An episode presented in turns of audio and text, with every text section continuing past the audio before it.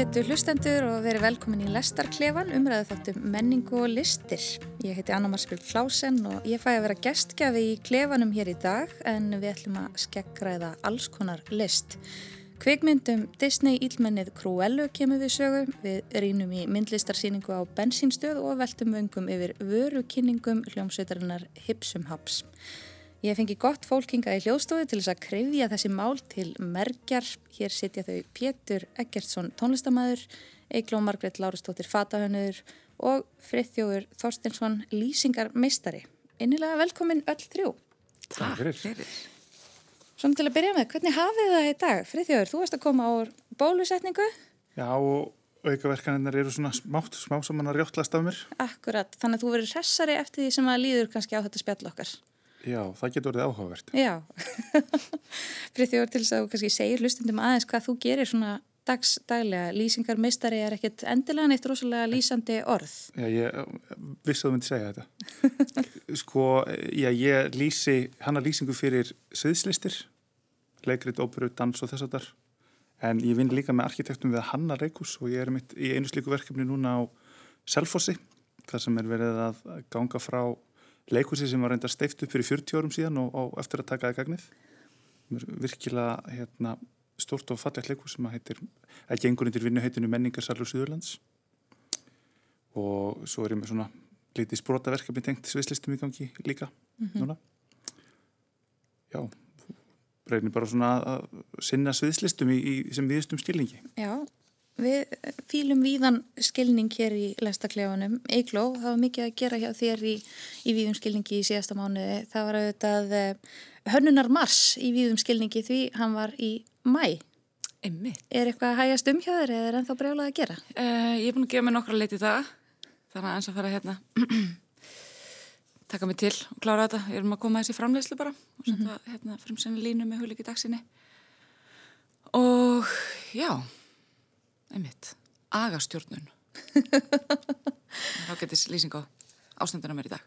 Við skilum við bara, við höldum áfram. Pétur, þú varst að byrja í sumarfrí úr dagvinniðinni en uh, tónlistarlífið, það er að taka við sér. Verður fríið alveg fríið eða er þetta að fara að sökva þér í tónlistarvinnu? Já, allir þetta sé ekki bara svona halgir listamanna hérna, listamanna tímanbilið núna, sumarfríið, það mm -hmm. lítur að vera. Jú, við, ég er að vinna að spennandi verkefni með henni Gíu Jónsdóttur samstagskonu minni í hérna, teknofýðlu dúóinu Gæken Vá! Teknofýðlu dúó, það gerist ekki geggjara Þannig að við erum undirbúið að, að gera plötu sem er samt líka vídeo og ætlum að sína það í ásmyndasal í ágúst. Þannig að það verður, já, það ferur allt sumafríði bara að vinna í því. Æsi spennandi, við getum ekki slegið slöku við, heldur ekki þessum þætti Við ætlum að ræða um menningu, við ætlum að byrja að tala um kvikmyndina Cruellu eða Grimhildi eins og hún myndi þýðast yfir á íslensku.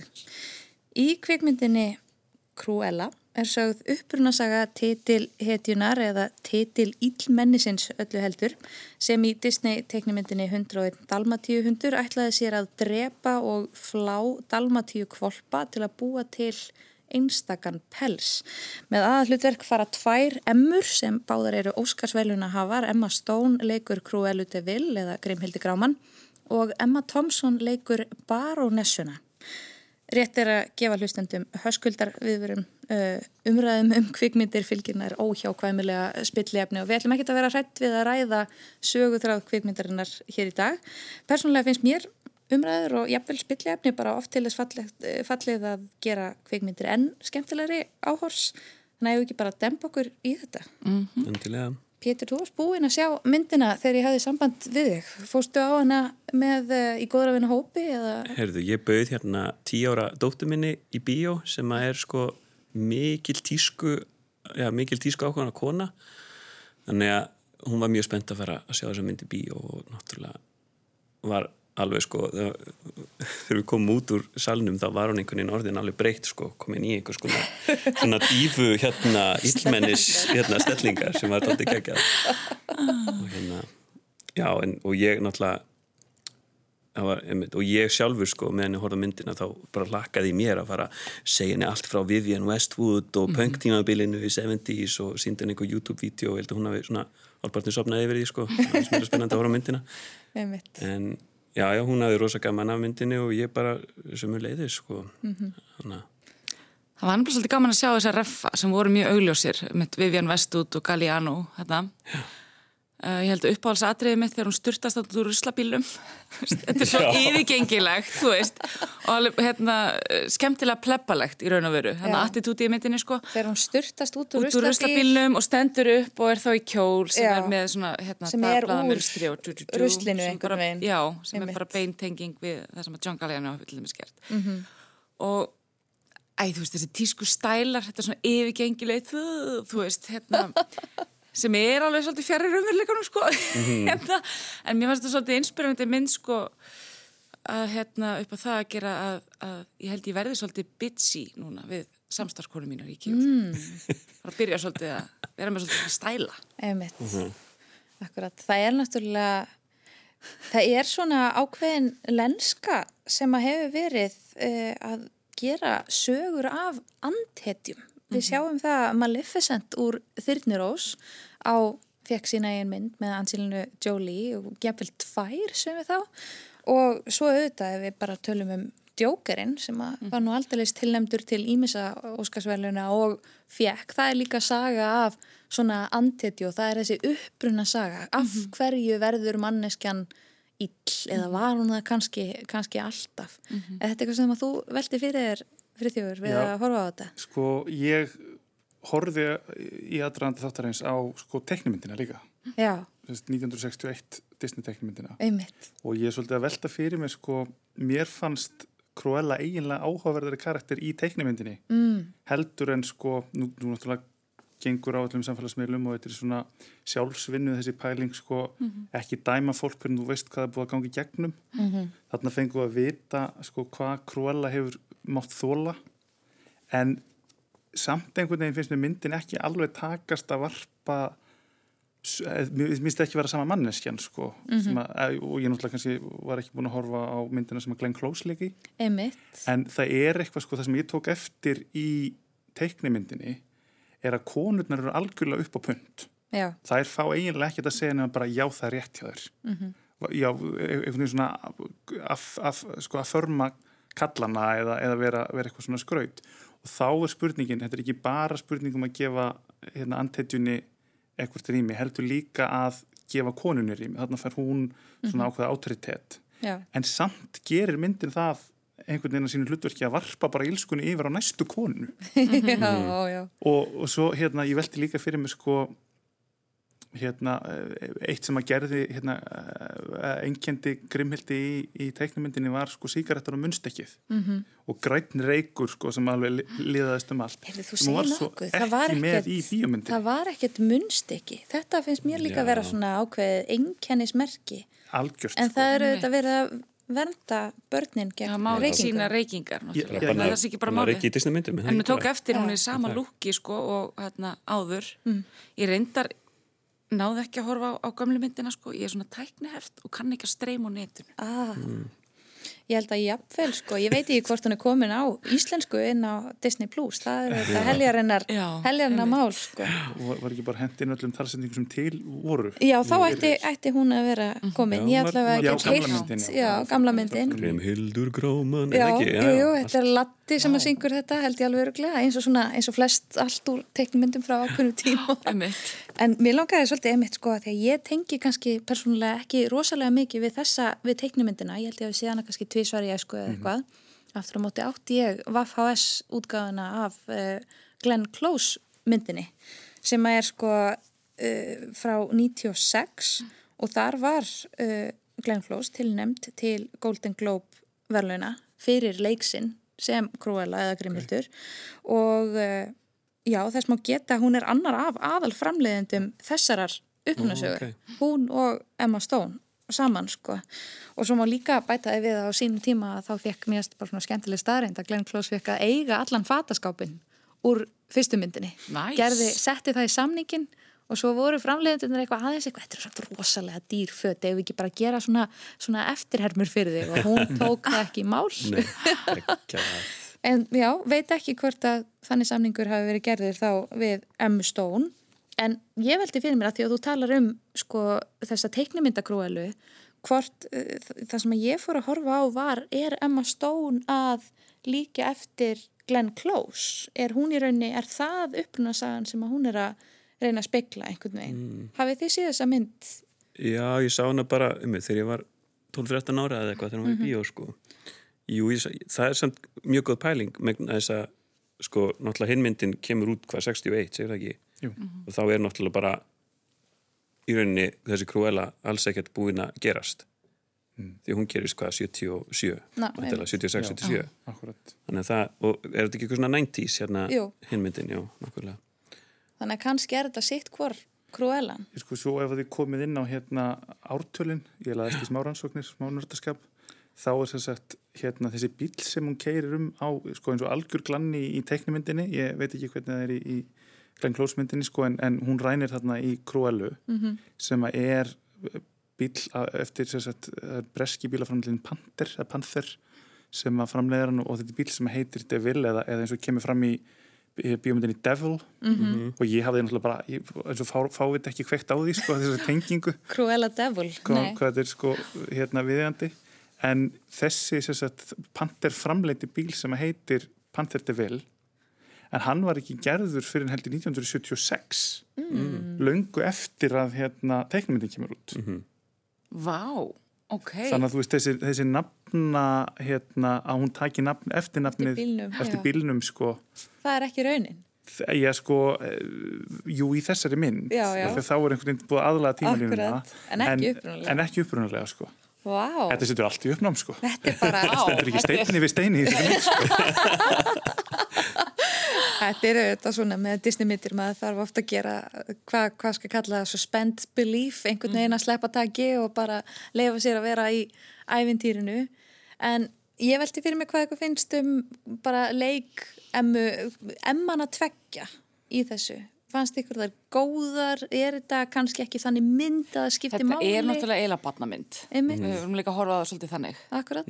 Hérna, uh, þannig ég myndi ekki neitt kalla neitt, eitthvað stórleikarna per se. Menna, þú ert að leika einhverja geðveika konu. þetta Er, og ég hugsaði mitt bara beint í jókerinn sko því ég var að horfa á þessa mynd. Og þetta er ekki þannig einhver verðlunuleikur sko, finnst mér. Nei, Straight out. spurning hvort hún fá eitthvað notan í Golden Globe fyrst þurfum við sér flokkana fyrir gamanmyndir og eitthvað svoleiðis Já. Er- Ég veit ekki, hvað finnst ykkur? Dóttir mín var alveg vissum að, að Emma Stone myndi fá Óskarsvelunin fyrir þessa mynd. En, og ég var eitthvað, já, kannski. Svolítið. En svo er einmitt þetta, er þetta, er þetta einu svona gamanmynd? Hún er rosalega, það, hún er fyndin, en hún er samt svo drungaleg, sko. Já, Já, en svona samt einhvern veginn ekki nóg. Já, hún er ekki, hún Hún er ekki ekki nógu alveg brjálæðslega alvarleg. drunguleg hún er ekki mm. brjálæðslega fyndin. Þetta, sko, ég myndi velti fyrir mér sko, af hverju er Disney að ráðast í þessar sögur. Og uh, sko, hugurinn reykaði í þá átt að, að hérna, þegar raunveruleika sjónvarp var til þá varð það til upp úr því að handritsöndar fór í verkfall.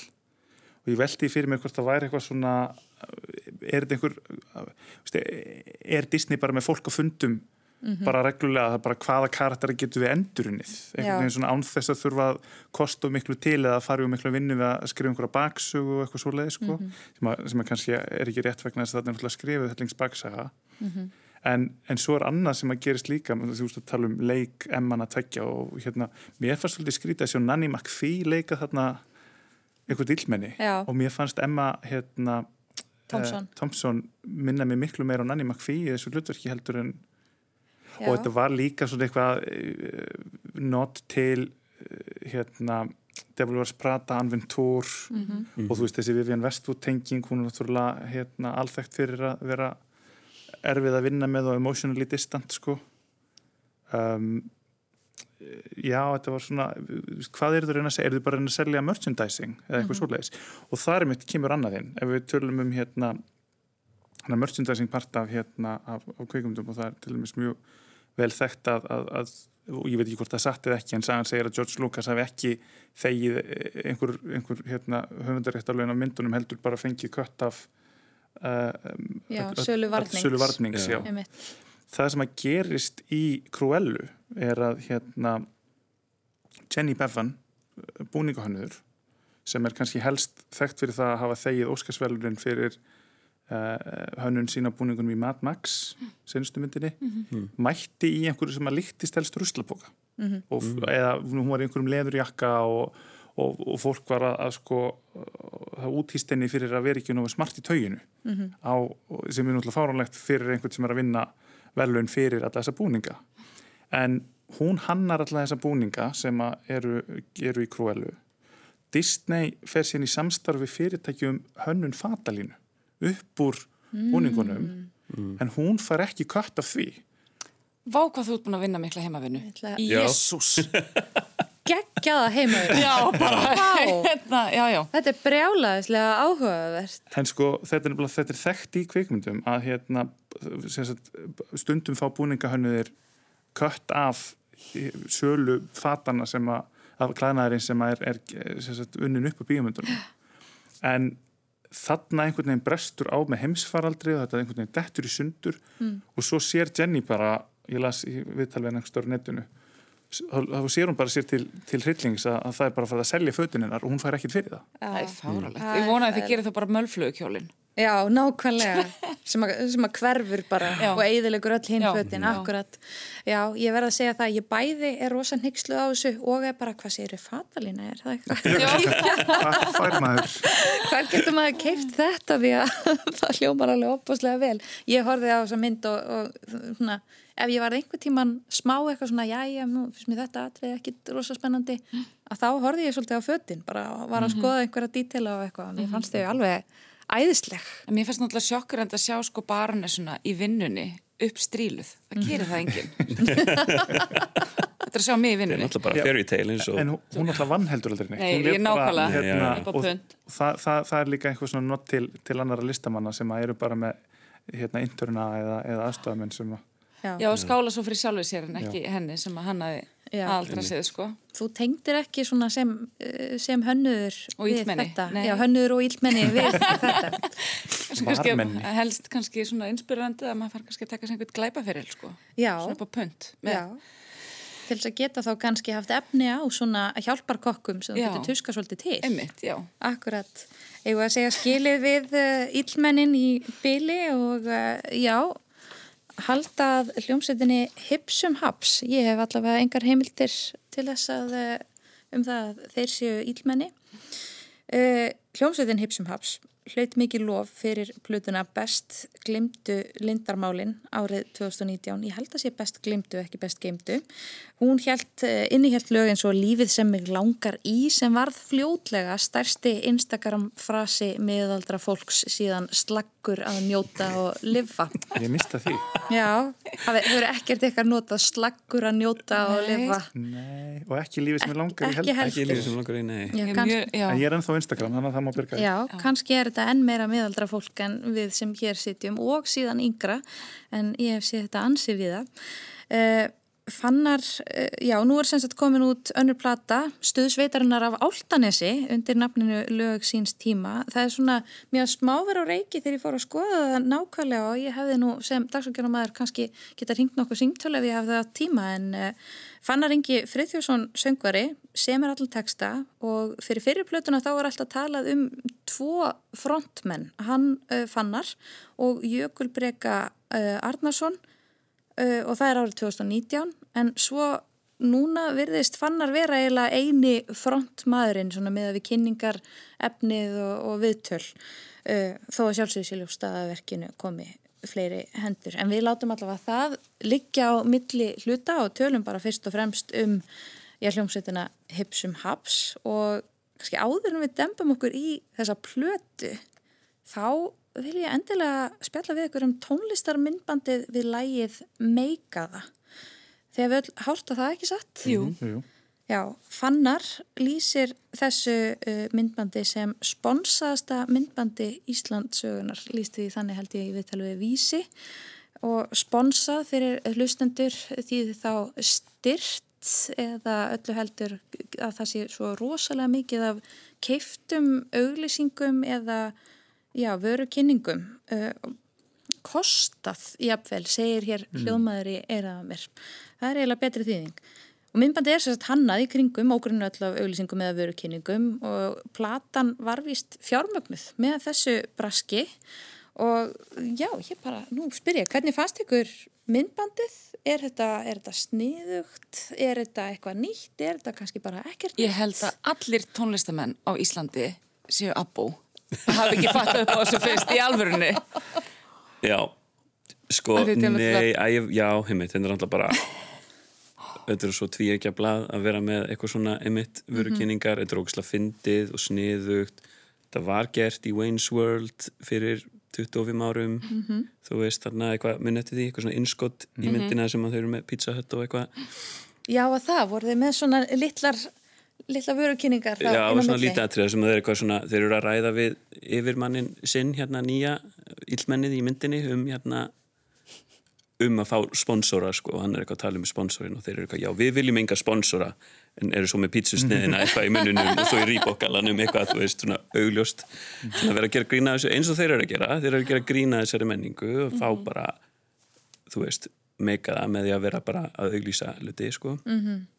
þannig að en ég veit ekki, þetta er svolítið, þetta er svolítið fyndið, maður fær aldrei nú mikið pening frá þessum styrkja hérna, fyrir, hérna já, allum þessum styrkjum, ég kíkti einmitt og gáði hvort þeir hafa ekki fengið hljóðrutarsjóðuruglega og jújú, þeir hefðu fengið það líka sko. -hmm. þannig að en þú veist, það borgar ekkert laun fyrir fyrir hérna upptökumann. Og hún er mjög fallega tekin upp þessi plata. Já, kannski ræðum það, Já, ræðum plötuna sjálfa aðeins betur á eftir því að, uh, sko, hvað fannst ykkur hinnum um hérna, þú, þú segir það Eglo að þetta sé bara, þetta er raunni bara briljant hugmynd því að þetta Það er annarkvært orð í þessu lægi er spons. Akkurat, Mhm. Og hérna, já, það er ekki bara mynd, það er texti Já. sem að fylgir þarna með Akkurat? Ég, hérna, uh, þegar þú settir okkur þetta fyrir, sko, Mhm. uh, og þú, þú talar um að, að, að skoða þetta product placement, þá einhvern veginn fór ég að velta fyrir mér áður en ég horfði myndbandi, hver er munurinn á product placement og beinlinni auglýsingu? Mhm. Og ég myndi ekki segja að þetta væri, sko, product placement. Af því að hún er svo augljós er svo, þetta, þeir eru Mhm, beinlinni að halda þarna upp í vörum og ég, finnst til dæmis eitt svona mest cheesy product placement sem að, sem að ég hef séð í bíómyndum það er þegar Sony kefti James Bond hérna eh, vörumerkið eða var farið að taka yfir einhverja framlönslu eða eitthvað Mhm. þá var einhvern veginn passað að, að Sony fartölfur og Sony hérna hljómtæki og pennar og Mhm. hlaupaskór og og tannbustar og hvað en að sæjust alltaf í mynd sko, það var svona uh, þú veist, þegar maður var að fara að lokka sinn og eitthvað, það var passað að sæjist í logoið áður en að opnaði tölvuna. En eh, áhugavert líka sem að þú minnist á með Veinsworld vegna þess að það er hérna svona það er breskur grínkarakter sem heitir Alan Partridge ég man ekki hvað hann heitir uh, sem að leikur hann alveg í svipin en hann er mitt var með hérna svona gerfi spjallþætti í, í nokkur sísón í, í bresku sjónvarpi. Og það er mitt gerðan svolítið út af þetta að, að einhvern veginn hvort að BBC var að að BBC var að hérna, taka í gegn product placement þessi reglurnar sínar eða eitthvað svo les og hann var svolítið eitthvað að djóka, djóka með þetta sko, fyrir einmitt 20 árum. Þannig að þetta sýnir kannski líka hvað við erum eftir á í umræðinni um, að við sem einhvern veginn að, að Að tala um þetta einu tala um þetta núna. núna sko. Því að þú veist, au- auglýsingar eru allstæðar fyrir framar okkur, veist, á, á búningum í, íþróttamanna um hérna í öllum, öllum hérna öllum veggjum og, og skiltum og einhvern veginn svona. Já, þau voru nú eitthvað að ræða það hérna, upp á samstagsmenn minnir hérna, upp, á, upp á gangi að uh, Jakobína Rína hefði gert myndband sem að væri, hefði verið með sama svona konsepti. Munurinn var að þeir, þeir fengu ekki í alvörunni spons. nei, ok, æjæ. ég veldi einmitt fyrir mér í þessu hvort að það hefði verið í, í alvörunni spóns Já, en þetta var í alvörunni og þeir fengu borguð upp hlutuna og það kannski veldur upp þessari spurningu sko, þú veist, er þetta, þú veist, af því að, að því í tilfellinu það sem að það er ekki alvörunni, þar hlýtur það að vera, þar er greinlega einhver svona mjög greinlega ádela og spurningin hér er, getur það verið ádela ef að maður er samt líka að þykja peningin? ádel og styrkjakjörðið. Við þurfum meiri pening. Einmitt. þetta er átil á það nákvæmlega. Og einmitt, og bara á kapitalisma bara, þú veist, mm -hmm. fáum frekar styrkina bara frá ykkur hérna, en það er samt eitthvað svona hefur það, það hefur greinilega áhrif á sko, próduktið sjálft. En, en í þessu samengi þá er líka verðt að benda á það að fyrsta varan sem að þeir hérna, benda á að taka upp er tónís súkulaði Já. Sem, er, sem gefur sér út fyrir að vera sérstaklega ethical súkulaði mm -hmm. af því að það er svo mikið um hérna, barnaþarskun og þess að Jú, í jú. súkulaðibransanum Já. og mjög svolítið áhugavert að þau eru einhvern veginn að fara út í eitthvað sem er á gráu svæði en byrja með einhverju svona vöru sem að vera rosalega ethical Já. og svo enda þér vídeoið á að það kemur inn hérna þessi Range Rover Mhm. með hérna LS, LMI uh, nú, er ég ábyggilega að skamstafa þetta hérna vittlust en þetta er semst lífið sem mig langar í. MLI já hérna, og þá einhvern veginn velti fyrir býtunum lægið sjálft fjallar um einhvern veginn svona intim, lástemt Mhm. fallegt líf. En þannig eru þeir allt í unni orðnir einhverjir influencerar sem eru að fá fullt af lækum og, og þarna fullt af bitcoins og, og, og, og með alls konar vörur og spons. Já. er það kannski lífið sem það langaði í eða hver- hver eru- er, er að deila á sjálfan sig? Já, heyrðu, þarna Þeir komum við kannski svolítið eiginlega að gera grína þessu, já, já, finnst mér, þú veist, að, hérna, að þurfa eiga hitt og þetta og allt þetta, að, hérna, með hestakjöru aftan í. Nei, það er enda meira svona rómans, þetta er úrslega rómatíski strákar sem er eiginlega, hérna, sem ég finnst svolítið áhugavert og allir þessi textar sem að þeir eru að, hérna, að gera, sko. Ég er eiginlega að býða eftir svona kannski að næst verið svona break-up plata, þú veist, þeir eru svo mikið að tala um bara að finna ástina og hérna, byrja lífið og allt svo fullkomið og jæri, jæri. Okkur vantar nú svolítið þetta stóru er, heyrist alveg, þetta er, er frá ungum strákum, skilji. Já. Já, já, En það sem ég, hérna, er reynda búin að læra aðeim, sko, hérna, að Instagram hótt að læka eina nýja og eina gamla. Er eins og vídeoljónum í gamla þetta dæmis. Einmitt við alveg, Af hverju á að læka eina nýja og eina til að gamla? ve- vekja aðtikli að þú hafir áhuga við. Já, já, Maður getur lært eitthvað aðeim, sko. já, akkurat. Þetta er svona þessi... ég er búin að spanna þetta á Instagram fræðinu Já. mínum. Já. ég byrjaði hérna, ég endaði hér Það er, það er alveg svona þetta, þessi svona, þessi svona stefnumóta venjur nýrar kynnslóðar og, og þetta, sko, þetta er þessi dans sem er alltaf dansaður. Hann er alltaf svona, hann er að breytast mjög rætt núna. Þetta er alveg, þetta er eitthvað sem maður kannast við. Það er hægt að læra eitthvað að þessu. Einu nýja og eina gamla. Það er hægt að og læra margar hvað þessu. gamlar, það er bara það var creepy sko og ekki of gamla heldur já, nei, nákvæmlega nei, nei, nei, nei. Og alls ekki mynd með fyrverandi á, sko. En ef við törum þá um plötuna sjálfa og það er mjög svo skemmtilegt þetta með, ok, var, var þetta lífið sem það langaði í? La- Platan, byrjar hún ekki á læginu 2021 sem að er, sko, held að fyrsta mínútan eða eitthvað sé bara klippur úr fréttum frá árinu 2020 sem er já, þú veist, kannski, kannski var síðasta plata um lífið sem að okkur langaði í og, og þetta er lífið sem við fengum og, og það er nú bara, ja, það byrjar allavega ansi svona snauplega. Mhm. eða þá að eitthvað sem okkur langar í byrjar akkurat núna, hún kemur náttúrulega út á hárindi tíma sko. Mm veist, þetta er bara, nú erum við bara komin í þannig mentalitet að þetta er bara búið. Nú erum við bara farin á barinn og bara farin að skemmta okkur og knúsa öll og ég fann að taka í hendur aftur og ég veit ekki hvað sko. Í kistiði mér þessi því já, nákvæmlega, jésús ég að mæta Áhættu hegðun hér í Áhættu hegðun hér í ljóstöðu við heyrðum það hér fyrst hér er ekki haldið upp í tveggjametra reglunni þetta er stór hættulegt og ég byrð hlustendur forláts þetta er ekki til eftir breytni uh, en Og ég skrópaði spröðningar. já, heyrðu, úff, úff, nú kemst upp um það sko. Já, já. heyrðu, illmenna ferillin er Já, komin á stað er byrjað, já, mjög inspæður þarna. byrjar með svona litlum rosalegt Er það svona smá fáviti? En hvað fannst ykkur um plötuna sem stykki? Pétur, þú segir að hún sé vel tekin upp. Já, já, það var eirna indi sko, hún gaman að hlusta á hana bara svona hljóðlega. Svolítið svona já, já, bara eins og plötur eru. Hún svona byrjar hressandi og maður er til í þetta og finnir textar og hérna og allt það, mjög nýttnir ungir drengir.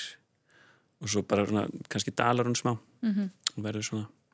En jú, jú, ég er bara og þeir einhvern veginn eru, þetta er svo ótrúlega mikið og þeir eru svo meðvitaður um það, þeir kalla hann alltaf bara lögsins tíma, þetta fjallar svo akkurat bara um það sem er að gerast í dag og þeir eru einhvern veginn fría sig þannig allir ábyrð og þetta geti orðið eitthvað þú veist, viðegandi eftir tíu ár skilur þetta er bara, já, þetta er bara svona heimild um þennan tíma Það finnst mér líka bara ógæslega skemmtilegt. Skemmtilegt, og sko. hérna í raun og veru uh, hugsa ég sko, já þeir ljóta að vera að hlusta á sprengihöllina eða eitthvað. Þá er góður. þetta hérna búið til texta um bara lífið eins og það er, Já. þú veist, og hérna samfélagslegt, hvað segir maður, hérna, samfélagsleg skráning, eða þú veist, hérna, þú veist bara skrán útíman, einhvern veginn eins og hann er. Mér finnst það skemmtilegt við þessa blödu. Já, manni finnst það kannski einmitt eins og það sé svona helsti, hvað, influensin eða svona helsti innblásturinn að það sé kannski sprengjuhöllin. Já, Já. og Bergur Eppi bara og hann skrif sko, Já. ég að þetta geti alveg verið eitthvað sem að hefur komið þaðan eða sko kveikjana mörgu þennan Frá svona nútíma fræðingum. Já, þetta, þetta líka bara virkar af því að þeir einmitt rammaði inn svona sko og ég, ég hugsaði um ég sko, ég skrifaði nokkra texta fyrir Hjaltalín á sínum tíma fyrstu plötunni þeirra. Og eitt er að þá sko kemur fyrir eitthvað svona reffi í MySpace og ég fæ svo mikla klíu þegar ég heyri þetta núna þau, þau eru sjálf líka svona tónleikum eitthvað svona, svona segja að þetta er bara eitthvað, þú veist, þetta er á ekkert við í Nei, nei, nei. hjaltalín skilur Já. en þetta passa, þetta má vera þarna þetta má vera hjá sprengjuöllinni Já, einmitt. Ekki jafn fyrir, já, það svona fer eftir hva, hvernig hljómsið þú ert, hvort þú geti verið svona, svona einhvern veginn skrúaður niður í nútíman. Mér finnst þetta einhvern veginn svona óþráða femni. Þetta var, þetta var viðeigandi á sínum tíma. Við fjöllum, og okkur má ekki flytja lægið bara, þannig eru þeir hérna bara seimlensli, eða hvað segir maður, óskam, Óskamfélni, að segja hérna, þetta eru bara lög þessa tíma, svo bendur Einmitt.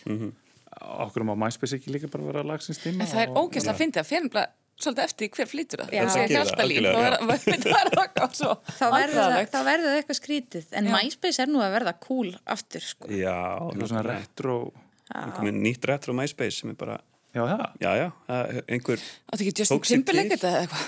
ég veit ekki, það, þetta er einhver þýsk stelpa held ég sem bara tók sér til í COVID bara og hannaði bara kóðaði MySpace gjörsamlega upp á nýtt eins og það var Já, og það er þetta að fá sér prófíl og allt sko. Ég bara vilja hafa með að bara lifa Já, gamla um tíma, mitt, sitja í ég top reyndi að friends komast inn á og MySpace mitt en, hérna. Afsakið, ég er farin að velja hérna lag til þess að setja í á prófílinn minn. Akkurat. með hipsum ups kannski. Mér, sko talandi samt um, um plötur ég hérna hlustaði fyrst á hana þegar að uh, ég var að hjóla heim á vinnunni. Bara setti herðintólinni og þetta er svona 45 minútna hjólatúr og, og bara passaði vel og mér fannst mjög skemmtilegt að byrja mitt á, að hlusta á fyrsta lagi 2021 og það byrjaði þessi fréttaflutningur og ég sko eftir einhverja mínútur þau hugsaði bara, já, er, er lagið bara þessi hljóðgjörningur svo byrjaði textin og ég svona ég hefði kannski jafnvel viljað að þetta yrði bara Já. áfram svona Einmitt. Þetta væri bara svona sitt eigið lag einhvern veginn. Já, eitthvað, eitthvað svona einhver svona hljóðræn endurspeglun þessa tíma. En hvað tók svo við fyrir þig? Hvernig fannst þér platan? Sko ég á rosalega erfitt með að hérna, uh, þegar mér er sett fyrir svona verkefni því að þegar kemur að því að setja upp leikrit eða, eða söngleika eitthvað svo leiðis þá sest ég yfir handritið og ég brýta niður í einingar og ég greini og ég setja upp karaktergreiningar og alls konar til þess að geta búið til eitthvað svona heilstætt verk sko. Ég var alveg farin í haustnum á hjólinu sko, einhvern veginn að setja allt saman upp í einhverju spreadsheeti sko og ætla alltaf að hlusta aftur og lesa textana og einhvern veginn en, en svo leiði henni bara frekar að sitja hjá mér og melda hana. Og það komur svona alls svona skrítin viðbröð eins og það er þarna, það kemur eitt svona mild reggilag svona einhverjum svona ska eða svona reggi, léttum reggitakti og ég hugsaði sko það er svona eitthvað eh, frekar hérna um, og ég veit ekki hvort reggi er eins og rétti sko tól, rétti tónlistastemn til þess að lýsa þessu en það kom svona, svona mild orgel einhvern veginn með því sko og ég hugsaði að það er svona einhver vísun í Bob Marley svona uh, í hljóðu, það er einhver svona orgel með og eitthvað svona. En, en á sama tíma þá hugsaði ég einhvern veginn hattur og fattur. Og þá veit ég ekki hvort að ég var sko hvort að það setti hatt og fatt í nýtt ljós fyrir mér sko að, að hugsa um þá aðeins skakka, ég veit það ekki. Eru það, það textarnir sko að smitt eftir í hug með textana fyrir mér að þá eru þeir já oft bara fallegir. Þeir eru svona, það eru, eru einfaldir. Það eru einföld uh, einfalt rým sem að mögulega gæti sko þegar að ég dett í minn versta háminningar perraskap sko að þá gæti það stuða mig svolítið en einhvern veginn Já, fyrirgef ég þú um átt það þarna. ammali í november, ég man það að því að ég á ammali í oktober. Já, eða eitthvað svona. það er svona svolítið það. þú veist þetta. Já, Nei, heitt, hérna- heitt og ekki neitt Já, og já, svona já, þannig einmitt, sko. Já, já, já. og, og nýja mikra líma, eitthvað svo leiðist. Það, Já, já, já. það er eitthvað svona næstum því, þetta er mikið um næstum því rím á blöðunni. Já, það er náttúrulega mikið um hálfrým og, og bara órým. Ég skrifaði hérna hjá mér einmitt sem dæmi um sko svona þess að hvernig það er fast í nútímin, nútímanum sorgmætti, kvíða, kasti, leitandi að ástinni í appi. Þetta rýmar alls ekki. Já. en einhvern veginn, einhvern veginn skipti það svo sem einhver máli sko, hvað er rým og eitthvað en, en hérna, en það er svona þetta, ég held að fyrir mér að þetta einfældnislega svona í tekstunum þeirra einhvern veginn finnst mér það virka af því að tónlistin er einmitt kannski, hún er ekki að reyna heldur að vera eitthvað háfleig Það er eða engin rembingur í gangi. Er Nei. og, hérna, og þetta eru strákar, þetta eru ungi strákar sem að skynja bæði tekstunum og bara í þessu öllu. Og einmitt þessi von einhvern veginn með að lífið sé frábært og allt þetta. En þeir eiga En- samt aftur á móti koma með rúslega margar skemmtilega pælingar hann inn. Já, maður sjá hérna lagarlist Áhrif á ég var Einmitt, hérna þeir eru að tala um sko, þeir fara alveg hérna eins og í þjást sem rýma við ást, mm -hmm. tölum við rým sko hérna uh, einfallleiki en samt einhvers konar einsinn í líðan ungs fólks. Og hérna uh, og bleikja hérna lagi hérna með úlingsbleikjuna Já, mér fannst ég að fallast að lagi vera hérna vertu til Talaði vertu til, já til og ég fekk alveg nokkulega á heilan og það er alveg svolítið góð sviti. Já, einmitt, þau einhvern veginn náðu að koma Já. inn síðast inn. Án þess líka einmitt, maður var eitthvað svona og þetta er eitthvað svona óþrjóndi poplata. Því hún er alveg mjög, hún er ljúf og hún er grípandi án þess að vera típisk og já, Já, hún er ekki að fara að valda neinu uppnámin einst það er þessi plata, sko. nei, ég held ekki. Þetta er örgulega einhver sterkur kontenter í, í poplötu hérna Su saman hérna, sumarsins. sumarsins. Já, ég held að sjálfur nokkrir sumarslagarar að fara þarna að Eigum Það við sko. vinda okkur úr, uh, úr þessu sólrika sumri, við ætlum að ljúka þættinum á því að ferðast í huganum í Hamraborgina. Hún rís há og fögur yfir voginum sem kentur er við kópa og hefur í gegnum tíðina ekki endilega verið kent við hámenningarlegar kreðsur en uh, á því virðist vera að verða breyting.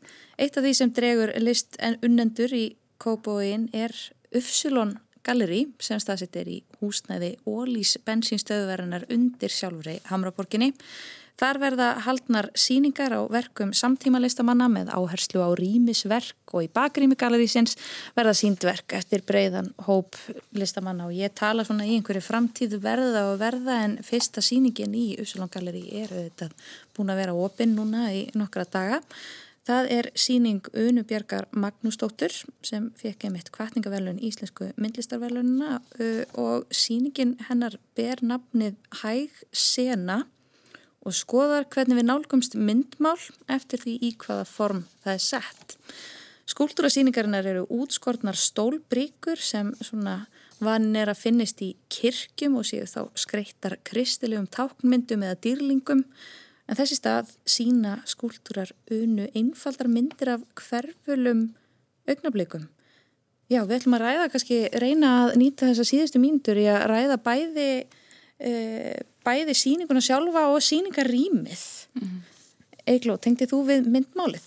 Já, ég gerði það og ég er mjög hrifin að því að ég myndi að taka eitthvað svona klassíst sem er svolítið fast og eins alltaf og gera bara eitthvað alveg random út í því eins og það er hérna bara allt í hennu hérna eitthvað slitin hálsfesti uh, ylvasklas löfblað, eitthvað svona random hverstaslegi hlutir einmitt. Og mér fannst það mjög skemmtilegt að sjá þetta í þessu samhengi. Mjög fallega gert. Ég hérna, geti alveg hugsað mér eitt svona skúltúr. Og svo líka bara með þessa bensinstöð þetta er uppáhalds bensinstöðu mín á höfuborgarsvæðinu allavega. Ég hef alltaf elskað að fara þetta í gegn Já. og hérna, ég með þess að kefti jólagjafarnin ég er ekki eins og grínast. Hérna, er mjög fyndið. En hérna uh, þetta rými er líka svo flott að því að hann ætlar að glukkar hérna allar hringin og staðsett þarna í blessari Hamraborginni sem er náttúrulega bara rísháa fögur uh, right hérna. Svo vandræðilegasta svæði bara sem þú finnur er Hamraborgin, þetta er ekki gert fyrir gangandi vegfærandur at all. En hérna já, en ég var mjög hrifin að þessari síningu Já. hérna, Friðþjóður? Já, mér fannst hérna uh, ég kom hann fyrst hjólandi og, og það var lokað þannig ég sá sýninguna fyrst á utanverðu og svo kom ég aftur nokkur dögum setna og, og, og leiti inn fyrir Einmitt verðt taka það fram fyrir hlustendur að það er hægt að sjá sýninguna alla að utanverði. allan sólurringin Já, það er svolítið merkilegt. og fá sér bensín í Og leðinni taka bensín. og það er sko um, það er þessi hugmynd að taka einhverjar uh, eitthvað sem er uh, hástemt og skipta því út fyrir eitthvað sem er hverstaslegt það færi mig samt til þess að hugsa sko af hverju hugsum við um þessar kristilegu myndir á þessum kirkjubekkjarbríkum sem hástemdar, voru það ekki bara frekar hverstaslegar hérna í den? Var þetta ekki bara miklu, var, var kristnin ekki bara miklu meiri, eða trúin einhvern veginn meiri partur á hverstasleikanum þannig að það einhvern veginn og, og, og kannski á það þessuna við í dag að setja þetta í annað samhengi sko. En þá fór ég líka einhvern veginn að hugsa um, um sko hlutverk bensinstöðverðina sem galleri mm. erum sko erum við allt í unni farin að hérna dæla listinni á fólk?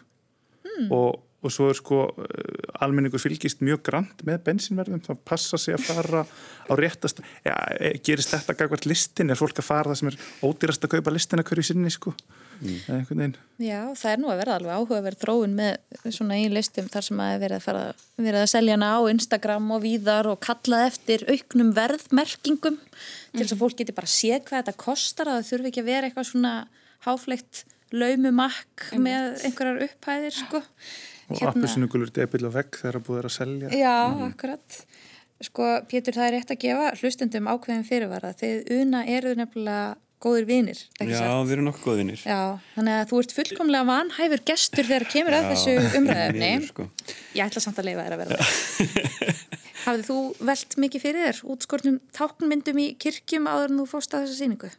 Ég hafði ekki gert það, reyndar uh, og mér finnst þetta áverð sem þú talar um sko líka í sambandi við þessa bensínstöð sko, þú veist, sem er kannski, og er það líka bara sem við tilbyðum í dag sko, eins og ólís hérna er náttúrulega bara búið að vera eitthvað ógeðslega cool vörumerki, þú veist fyrst eitthvað sem eitthvað eitthvað svona töff, svona hvað heitir það normkór eða hérna Kjartan Hreins Kjartan Hreins með alla myndina sína já, já, já. og, og hérna, einmitt, ég er búin að ganga með ólí sterhúfu, skiluru, herra hnetusmjör. Ég prjón einhverja, fekk einhverja 300 krónar peysu eða eitthvað. Já, já. talandi um product placement sko hjá Hipsumaf, nú er hérna, þetta galleri líka ákveðið sko sjálf Já, product já. placement, það stendur ólís í Stórum stöðum. Já, ólísmerkið á gólfinu. Já, já, já. Mér leið svolítið eins og það væri einhvern veginn hluti af listinni eins og við værum þarna komin inn í kirkjuna Aha. og, og einhvern veginn að tilbyðja á alltari bensínsins og alls hins hverfula og þú veist, bara náttúrann og bensínið og allt er hverfult og Já. einhvern veginn spila þetta allt saman í einhvern svona graut sem að ég er ekkert endilega viss um að hafi verið ætluninn en, en, og, og bara öruglega ekki af því að Una væntalega vissi ekki að hún væri að fara að sína í bensínstöð þegar að þessi hugmynd kom fram en það einhvern veginn segir mann eitthvað, eitthvað um það hvernig sko rýmið sem að verkin eru í skiptir svo miklu máli. Já, sýningun er alveg stilt upp þannig að, að það er ekki farið yfir merki, það er ekki breytt þú veist, það er ekki sett golf, það er ekki sett eitthvað svona tímabundi teppi ofan á eða neitt svoleiðis. Og, og, og verkin standa hver, hverki nærri hérna þessu merki, þannig að því að gefið andrými. Algjörlega. og þannig er- var alltaf í staflan líka sko, ljósmyndin hennar hérna? Ég er nefnilega veltið mitt fyrir mér sko, er hvort að myndin væri partur af þessari innsetningu eða, eða Já, hún er það. hvort að hérna, eða, eða svona hver tengingin væri sko, ég, og mér fannst ég nú svona að finna hana í, í, í myndunum þarna. Akkurat. Þetta er vist hönd listamannsins sem að kemur þarna út úr útvegnum innan gesalapa á þessari mynd sko með þessa, þessa einu litlu kúlu. Þau sögðu mér að sýningastjórnin er að þetta vísaði í eitthvað svona fyrra verk sem að hún hefði gert sem að var með Akkúrat. einhverjum svona talnaböndum eða svo leið sko. Já, svo eru perlufestarnar Já, á með perlufestarnar. Og hún hefði bara verið í þeim aðstöðu í lífinu að vera bara alltaf með einhverja lausar perlur í öllum vössum og eitthvað og, og þannig verður til svona tengingi fyrir hana með perlufestarnar einhvern veginn við, uh, já, við þetta, þennan hverfula samtíma og allt sem er að detti í sundur einhvern veginn þetta, mér finnst þetta rosalega flott alltaristabla Já, já, svona, algjörlega þessi Og dramatíska ég hafði ekki hugsað um það þannig, en þú veist, núna þegar ég hugsa tilbaka þá var náttúrulega meika þess aðeins. Já. Svona lítið kirkjur í mig, sko. Akkurat. En svo eru þetta hægt að fara á bakvið líka. Já. og þar fóruð það á bakvið, þar er Já. lítið, uh, lítið ólís eldhús ah, ég fór ekki, mér fannst það vera eitthvað svo svona afmarkað, ég þorði eiginlega ekki að fara þannig presturinn já. fær bara að vera þar í, í hempinu sína og, Já. Nei, það er hluti af síningarrýminu sko. Það er svo hinn síningasalurinn. Já, það er hinn síningarsalurinn og þar er einmitt hægt að skoða verk frá ýmsum listamönnum sem að Upsilon Gallery vinnur með og það er hægt að, sagt, þau verk skils mér að séu einmitt öll til sölu. Þannig að það er svona, það er svona, þá erum við komin út af síningu inn í einhver svona hefðbundna gallery sem svona vettfangur fyrir listamenn til þess að selja listina sína, sko. En, en úr því að þú segir sko alltaf Upsilon Gallery, Já, er enginn að velta fyrir sér Y Gallery? en kannski er þetta Y gallery. Er þetta Y gallery? Er þetta ekki Upsilon gallery? Já, sko ég held að þessi reykið Í. af að ég ætla hún að spjalla þarna við uh, unga konu sem, að, sem að var að vinna þarna og hún var ensk ég veit ekki hvort að, að þetta er erlend batteri sko Hennar tólkun þannig á, talaði hún um þetta sem Y gallery. Nei, ég, ég, ég veit ekki hvort ég fæði bara tilfinninguna að, að, að, það sé einhvern veginn ásetningur þeirra sem að baka þessu standa að vera með Sko- Y gallery en, en, það, en það má spyrja sig sko af hverju ætti þetta að vera í af hverju getur ekki bara verið í bensinstöð Mm. Eh, eða af hverju galleri, með ekki bara vera að gera hvað sem er, sko, einhvern veginn svona reyna að fara eitthvað út fyrir formið, ég, ég kannski er ég að búa til Það er ógíslega, mér finnst það mjög skemmtileg tólkun, sko. Af hverju gallery, af hverju eitthvað. En þau sögðu mér að Upsilon stendur fyrir yellow í, ég sko, man ekki hvernig við bárum þetta fram, eitthvað smikk litakerfinu. Já. Og hérna, uh, og yellow er náttúrulega ólís, litur.